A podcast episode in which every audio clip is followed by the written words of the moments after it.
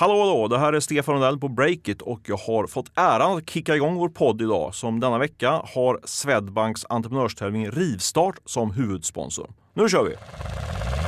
God morgon, det här är Breakit Daily och jag heter Katarina Andersson. Och det är höstlovsspecial nu. Sebastian Siemiatkowski berättar exklusivt för Breakit om hur köpsugna bolag kontaktar honom i allt snabbare takt. Så vad tänker han göra? Och vad du inte visste är att Klarna-grundaren filar på en bok om ledarskap. För de som fanns på Handels på hans tid, de var inte tillräckligt bra säger han. Men hur är han själv som chef?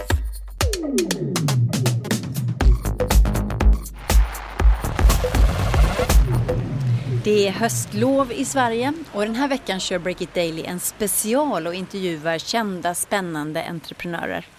Först ut är grundaren till en svensk enhörning, Sebastian Siemiatkowski, den enda grundaren som är kvar på Klarna idag och som nu driver sitt bolag i en, ja, man kan säga snällare riktning. Det är en regnig måndagmorgon när vi kliver in på Klarna. Breakits reporter Erik Wisterberg intervjuar. Kan vi sitta så här lite framåtlutad så vi liksom närmare. får ögonkontakt och så. Och så att Katarina får lite ljud. funkar det här? Är du med? Okej, vad bra. Hur har morgonen varit då? Bra. Lämnar du barn på morgonen eller? Var det regn, fullt regnställ? Nå, jo det var det faktiskt på båda. Och paraply också. Gud, det är liksom, det är dagens prestation känner jag. Att så Är här, få på regn, fullt regnställ, cykla till skolan med två barn och Men du lämna av. cyklar dessutom? Även Ja, vi har en bit. Så vi, det är så här riktig vi, åker, friskisfamilj. vi åker buss och tunnelbana, det är inte lika friskt.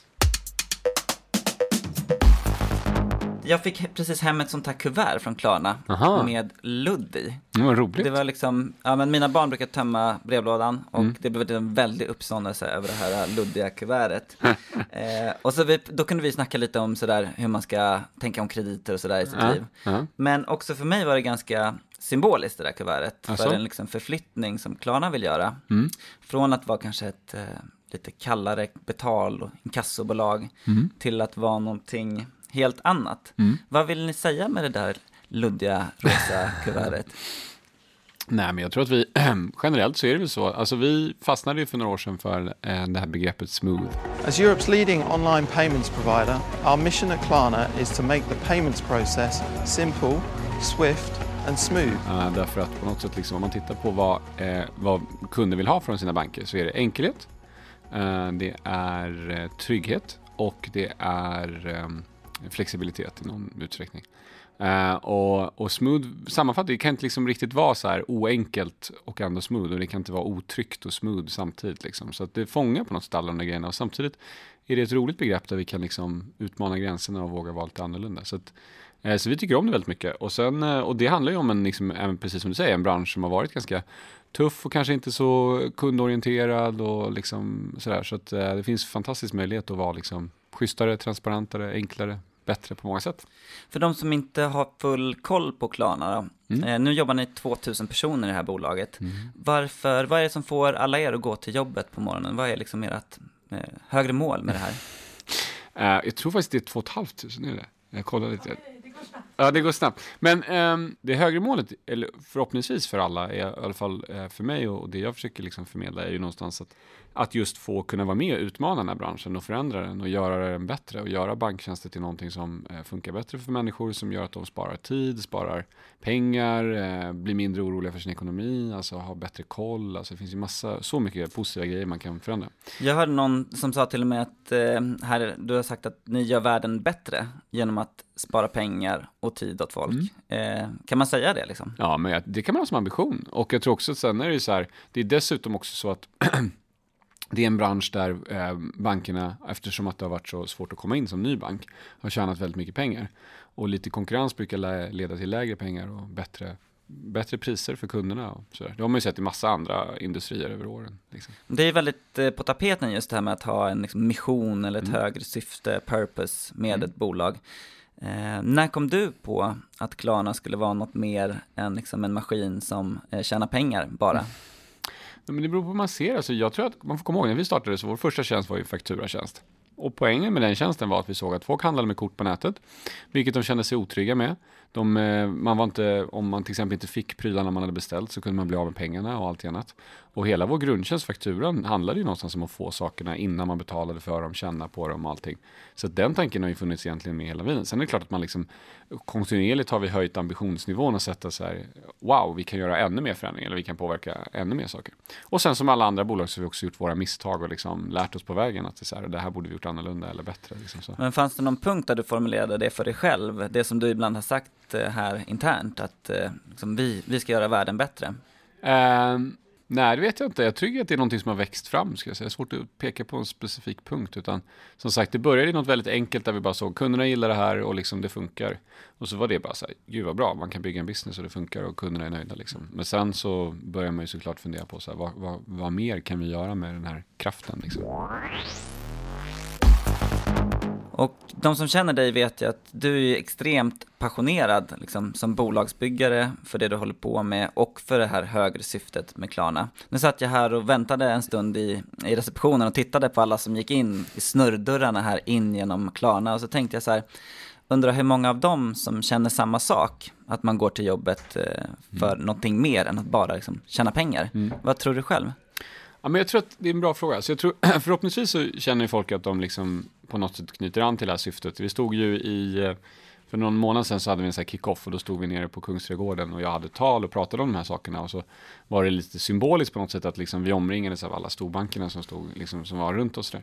Och då tror jag folk känner det här. Men samtidigt så tror jag också så här, att det är klart att liksom man kommer till sin vardag så här, vad är det då som gör att jobbet är kul? Det är klart att en sån här sak spelar roll, men jag tror mycket mer handlar om att så här, jobbar jag med roliga kollegor? Har jag liksom, blir jag utmanad? Är det spännande? Är det utvecklande? Är det svårt? Eller är det liksom bara samma sak varje dag? Jag tror att sådana saker kanske egentligen många gånger påverkar mer för liksom, för alla, och inklusive mig själv. Jag menar, jag påverkas jättemycket av mina kollegor och huruvida det är svårt eller inte. Och liksom, så här.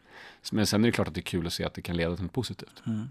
Men vad gör du som chef då för att få alla 2500 anställda att ändå dra mot det här ja, målet?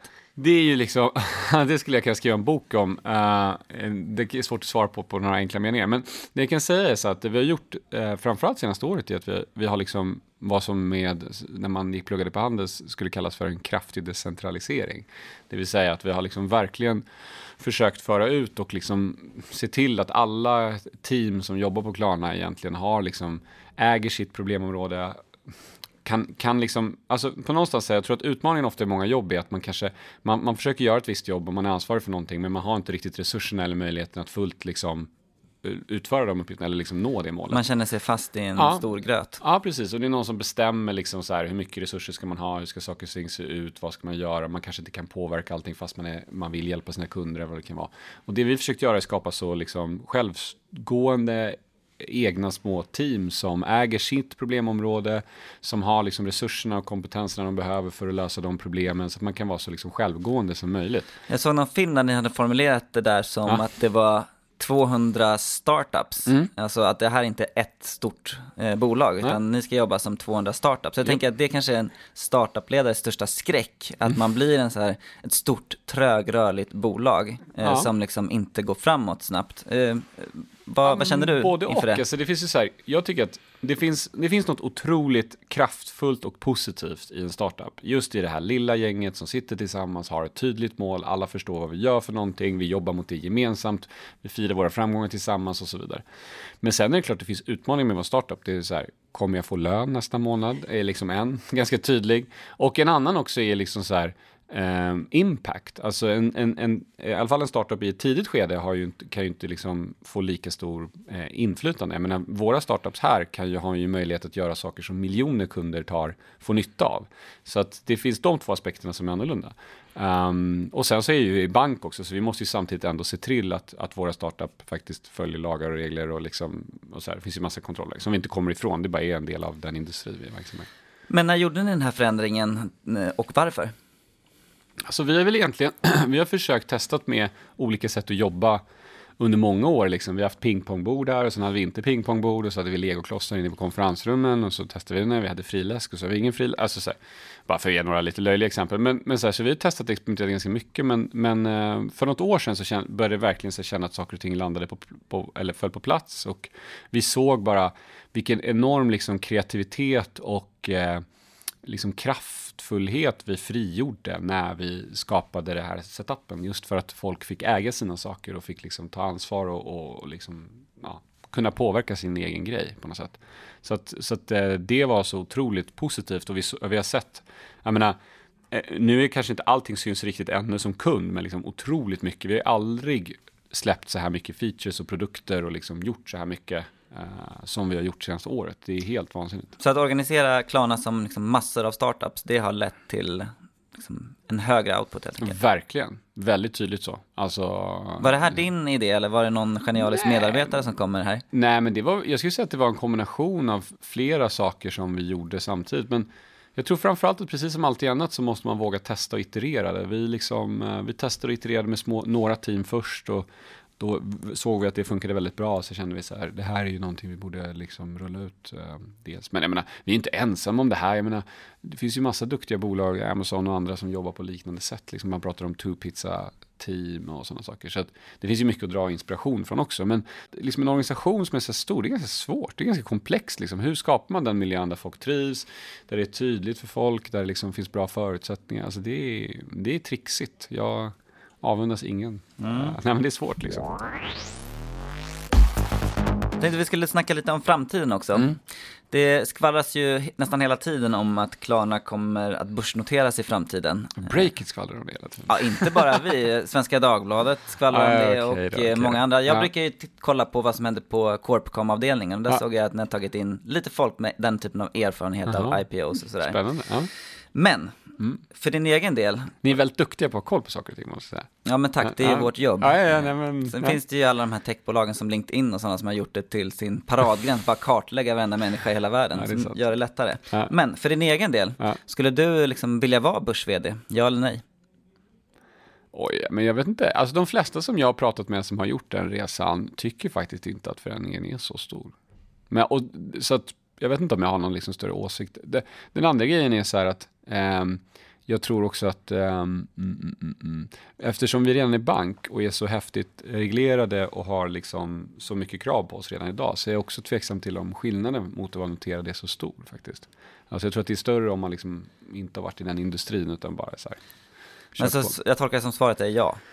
Alltså, men sen så här, har jag en personlig preferens för det? Nej, inte nödvändigtvis liksom. Det finns inget så här, om det gynnar bolaget och kan göra att vi, att vi har bättre förutsättningar för att lyckas, då är det nog bra.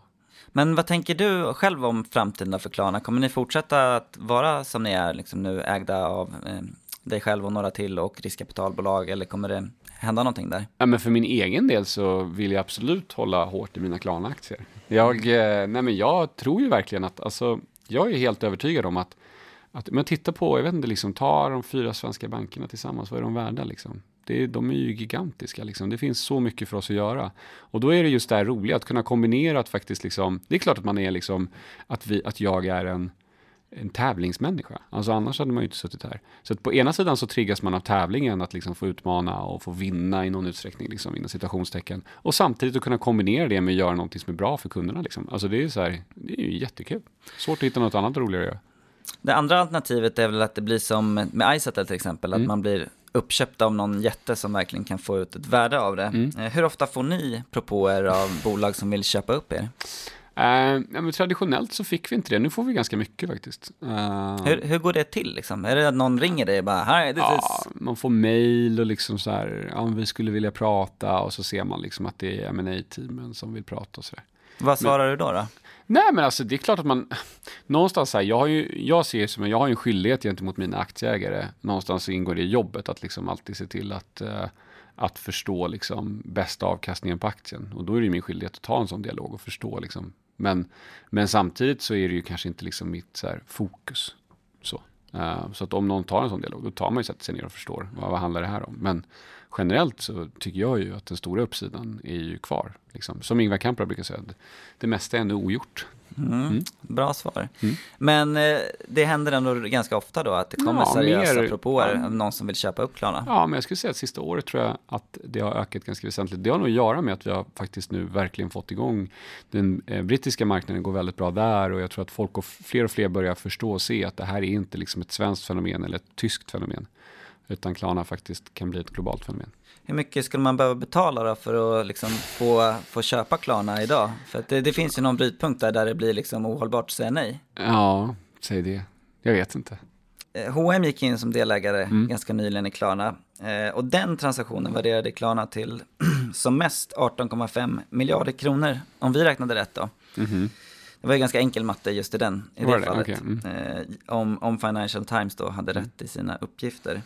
Men det är ju faktiskt lite mindre än vad värderingen var 2015. Mm. Så vad har hänt? Fick H&M rabatt eller har det hänt någonting som gör att liksom, Ja. Klarna inte har blivit Ja. värt mer? Jag önskar att jag kunde svara på det, men jag kan inte svara på de frågorna. Men, men eh, däremot så är vi väldigt glada att ha med H&M som aktieägare. Det tycker vi är jättekul. Och sen så tycker vi att det är ju liksom fantastiskt vilken potential det finns i samarbetet. Eh, för både för Klarna och för H&M. Ehm, Det, det har ju varit lite frågetecken kring Klarnas expansion i USA. Mm. Ehm, Du nämnde den brittiska marknaden, att det gick bra nu. Mm. Ehm, Hur går det egentligen i USA, handen på Mm, hjärtat? det är en bra fråga. Det är ju så här, vi är ju inte ett B2C-bolag, vi är ett B2B-bolag. Eh, i, framförallt på nya marknader. I Sverige är vi lite annorlunda för att vi har varit här länge. Men vilket innebär då att om man tittar på liksom ett Spotify eller motsvarande så kan man någonstans lansera en marknad och sen är man ganska stor kontroll över sin egen tillväxt i så fall att man helt enkelt får betala för marknadsföring och så förhoppningsvis kommer använda Ni är beroende för handlarna mer. Precis, så vi måste få med oss handlarna, vilket gör att för oss är det liksom en lite längre uppstartsträcka att liksom hitta rätt handlare, få liksom bygga förtroendet och så vidare. Nu börjar det bli ett långt svar på, en, på den här frågan. Ja, okej. Men jag ska säga det att, nej men jag, det, så att vi har varit lite grann, så har vi försökt hitta hur, det liksom, hur ska rätt produkt vara och vilka förutsättningar finns.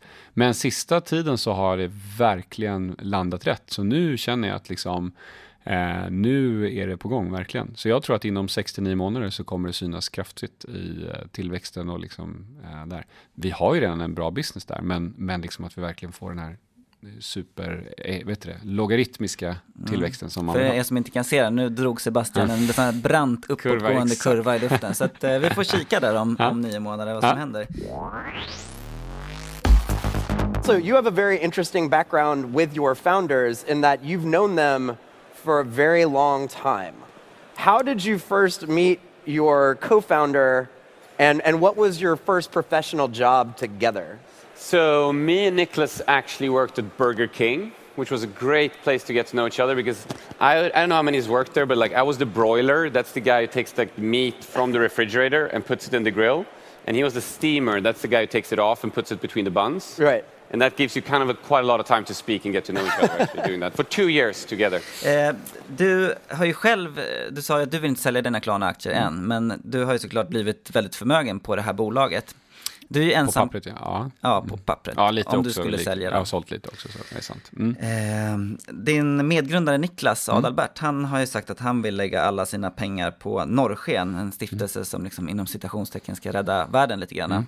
Äh, säg inte citationstecken, det är ju sant ju. Det är hur coolt som helst att han gör det. Man på inte en liksom- stiftelse som ska rä- rädda Ja, världen på Det är riktigt. faktiskt jäkligt häftigt att han har valt att göra det tycker Ja, jag. det- Man ska det- inte det liksom tror jag- raljera med det. Ja. Det var, var inte meningen Nej, att jag raljera. förstår det. Men, jag, bara, jag bara tycker att det varit lite grann så här, du vet, du såg kanske Expressen här om veckan också, liksom, där man så här pratar om det som att det är någon slags investeringsfond, liksom, för att man inte kan ge någon cred för att han håller på att göra det. Det är ju helt fantastiskt. Nej men det är skitcoolt. Han sa Ja. ju faktiskt, eh, han är ju den, jag tror den enda som har sagt att ja, han ska inte spara någonting till barnen. Han ska, Mm. han ska göra, lägga alla sina pengar, och det är massor med pengar, på att eh, hitta nästa bolag som kan förändra liksom, världen till bättre för en miljard människor. Ja. Men eh, min fråga var egentligen, vad, vad tänker du göra med, med din förmögenhet? Har du sådana tankar eller vad, vad tänker du göra? Ja men absolut. Det är så, är så eh, har ju jag och min fru eh, gjort eh, lite donationer. Vi gör lite donationer och vi eh, och nu har ju Nina startat en väldigt spännande startup också. Eh, eh, så att, eh, men samtidigt, jag, jag tror bara skillnaden på mig och Niklas är att Niklas har bråttom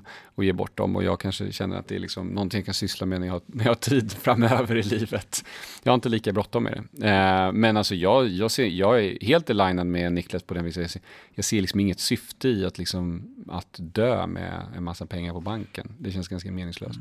Och det är klart att liksom, jag tycker någonstans att man har en skyldighet eh, ja, men jag tycker att man har en skyldighet och en plikt att liksom, har man fått det så här, haft den här turen i livet och fått det så förmånligt förspänt för sig, eh, så har man en skyldighet att försöka sen också bidra till samhället på något positivt sätt. Det tycker jag. Och jag tycker jag gör det nu i form av liksom vad vi gör med Klarna. Men någon dag kanske jag gör någonting annat och då, liksom, eh, då ska jag definitivt kunna tänka mig att göra något liknande. Eller kanske inte på samma sätt som man gör det, men jag, definitivt inte så här att jag känner att jag kramar uh, sedelbuntar Joakim von Anka. Liksom. Nu, nu är ni lite på så här, det finns, ett, det finns något liv efter Klarna också. Jag vet mm. att du, under höstlovet är det många som kanske läser en bok. Jag vet mm. att du har en liten egen eh, författardröm.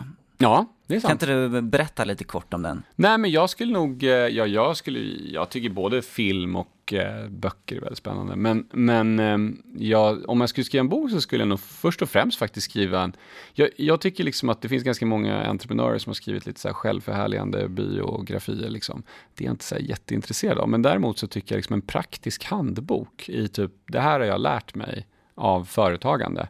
Eh, jag gick ju på Handels som lite har som syfte att försöka lära folk och förbereda dem inför arbetslivet. Eh, men jag tycker att det fanns en hel del moment som saknades där, så jag skulle faktiskt jäkla, väldigt gärna skriva en lärobok i. Mm. Så behöver inte alla nu, tycka liksom att jag... Nu är det förlagsdirektörer där ute som kommer ringa dig ah, efter den här podden. Så att, eh, det, sen vet jag inte, liksom, sen får jag, alltså, behöver man ju inte liksom tycka att jag är bäst på det här, men, men ändå liksom, jag skulle tycka det var roligt. Om vi tar dig mm. som chef då, för nu är du mm. inne lite på det. Eh, du har ju tagit ändå Klarna från eh, ni tre grundare till att ni nu är 2500 anställda. Mm. Vad har du lärt dig om dig själv under Ingenting. den här tiden? Nej, jag skojar.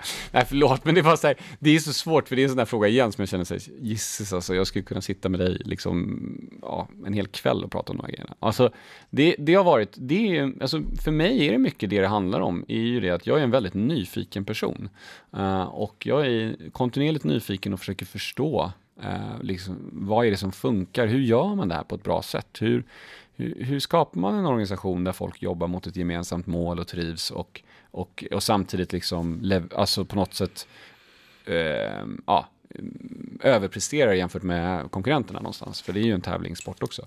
Um, och eh, jag har lärt mig mycket, men, men framförallt ska jag säga att det som jag har haft nytta av är att jag har gått hos psykolog, eh, jag har gått i kognitiv eh, beteendeterapi, jag har gått på liksom coachkurser, jag har gått på UGL, vilken är en väldigt bra utbildning.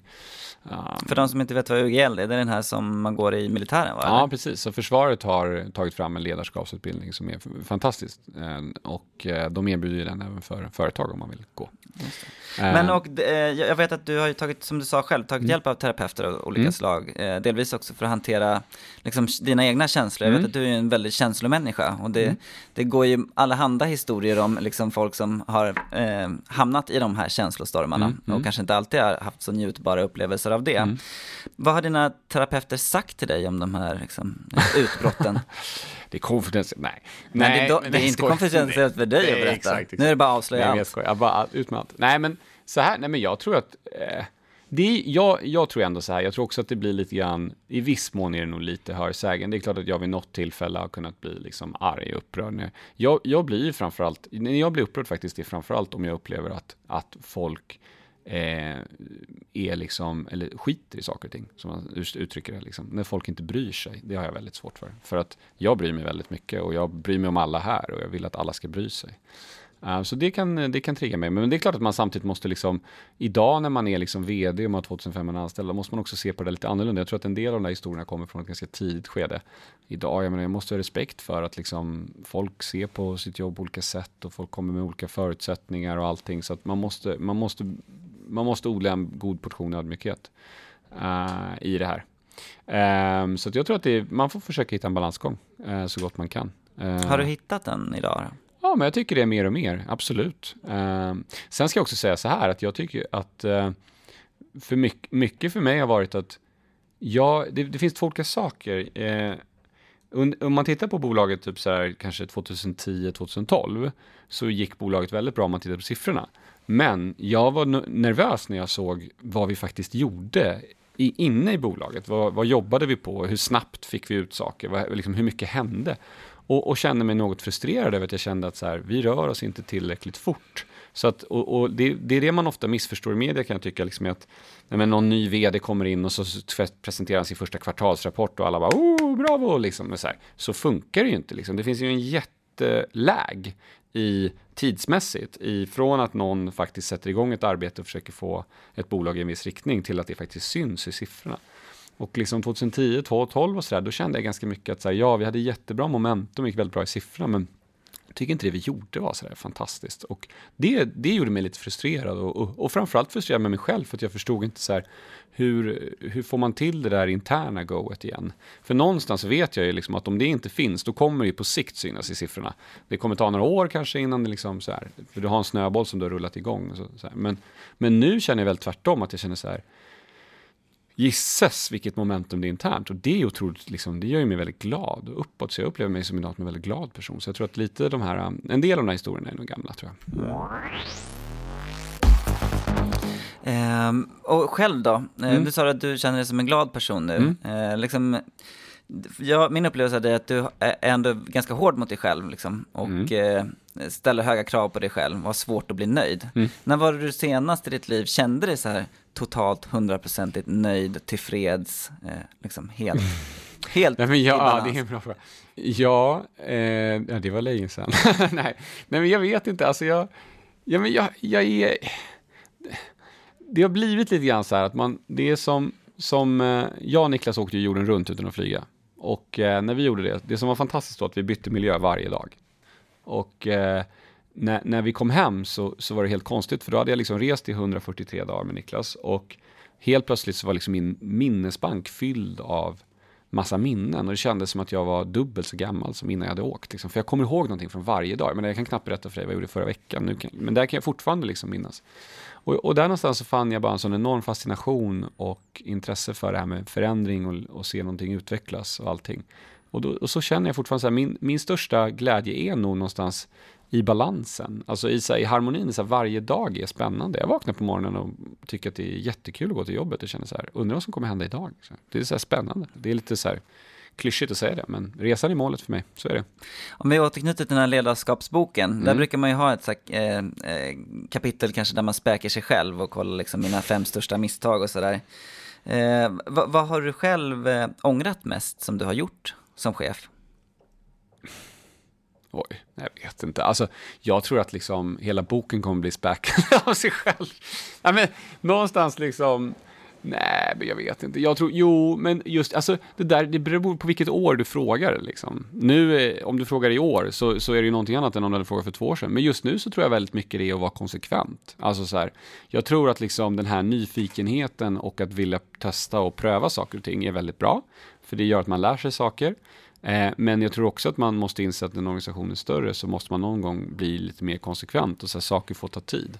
Och så, här, så att man inte byter riktning. Och, och, nu, är, nu är jag väldigt, just nu är det min stora, liksom så här, nu ska vi vara konsekventa, nu är det det här som gäller och vi ska inte hålla på och hoppa runt, i alla fall i typ tre år. Liksom. Det är inte så kul, jag brukar säga det också internt, att liksom, om man gör förändringar i hur en organisation ska fungera eller någonting, det är lite grann som att spela Monopol.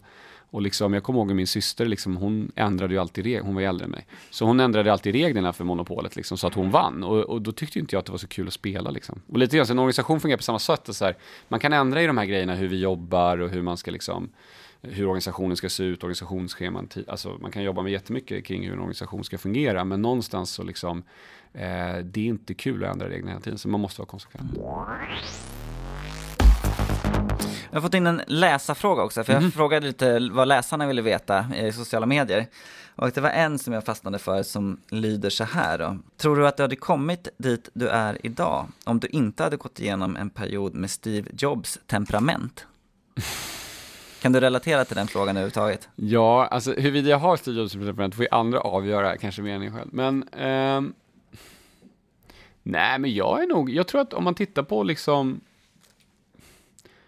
min, min dotter brukar kolla på en film om eh, en tjej som växer upp i någon förort i Frankrike och sen så flyttar hon in till Paris. Och hon drömmer om att plugga på den stora ballett liksom, akademin och så kommer hon in där och så har hon en jättetuff lärare som liksom är tuff mot henne och liksom ställer höga krav och så här.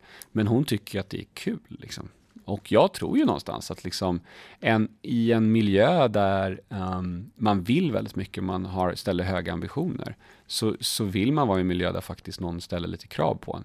Uh, och jag hoppas att, liksom, jag, att det, om jag har uttryckt mig eller varit liksom tuff i vissa sammanhang, att folk också upplevt att så här, ja, men här är faktiskt en miljö där man vill någonting.